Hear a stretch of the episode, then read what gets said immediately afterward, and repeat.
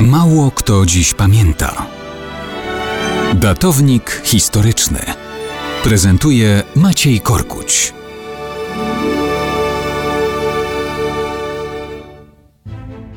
Mało kto dziś pamięta, że 10 lutego 1454 roku na ślubnym kobiercu stanęła Elżbieta Rakuszanka.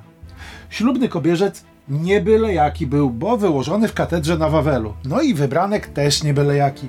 Król Polski, wielki książę litewski Kazimierz Jagiellończyk, syn świętej pamięci zwycięzcy spod Grunwaldu. Elżbieta była córką Albrechta II Habsburga, króla Niemiec, Czech, Węgier i Chorwacji, księcia Austrii i Luksemburga.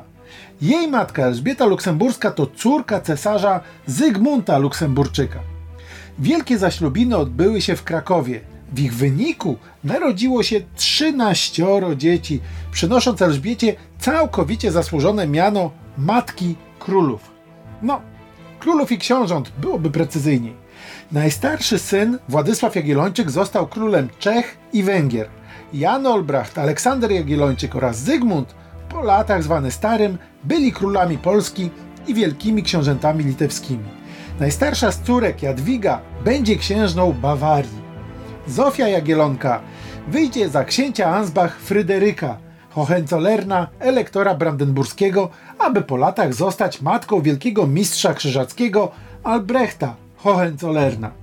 Tak, tak, sławetny hołd pruski będzie hołdem jej syna przed jej rodzonym bratem, wspomnianym Zygmuntem Starym. Wszystko w rodzinie.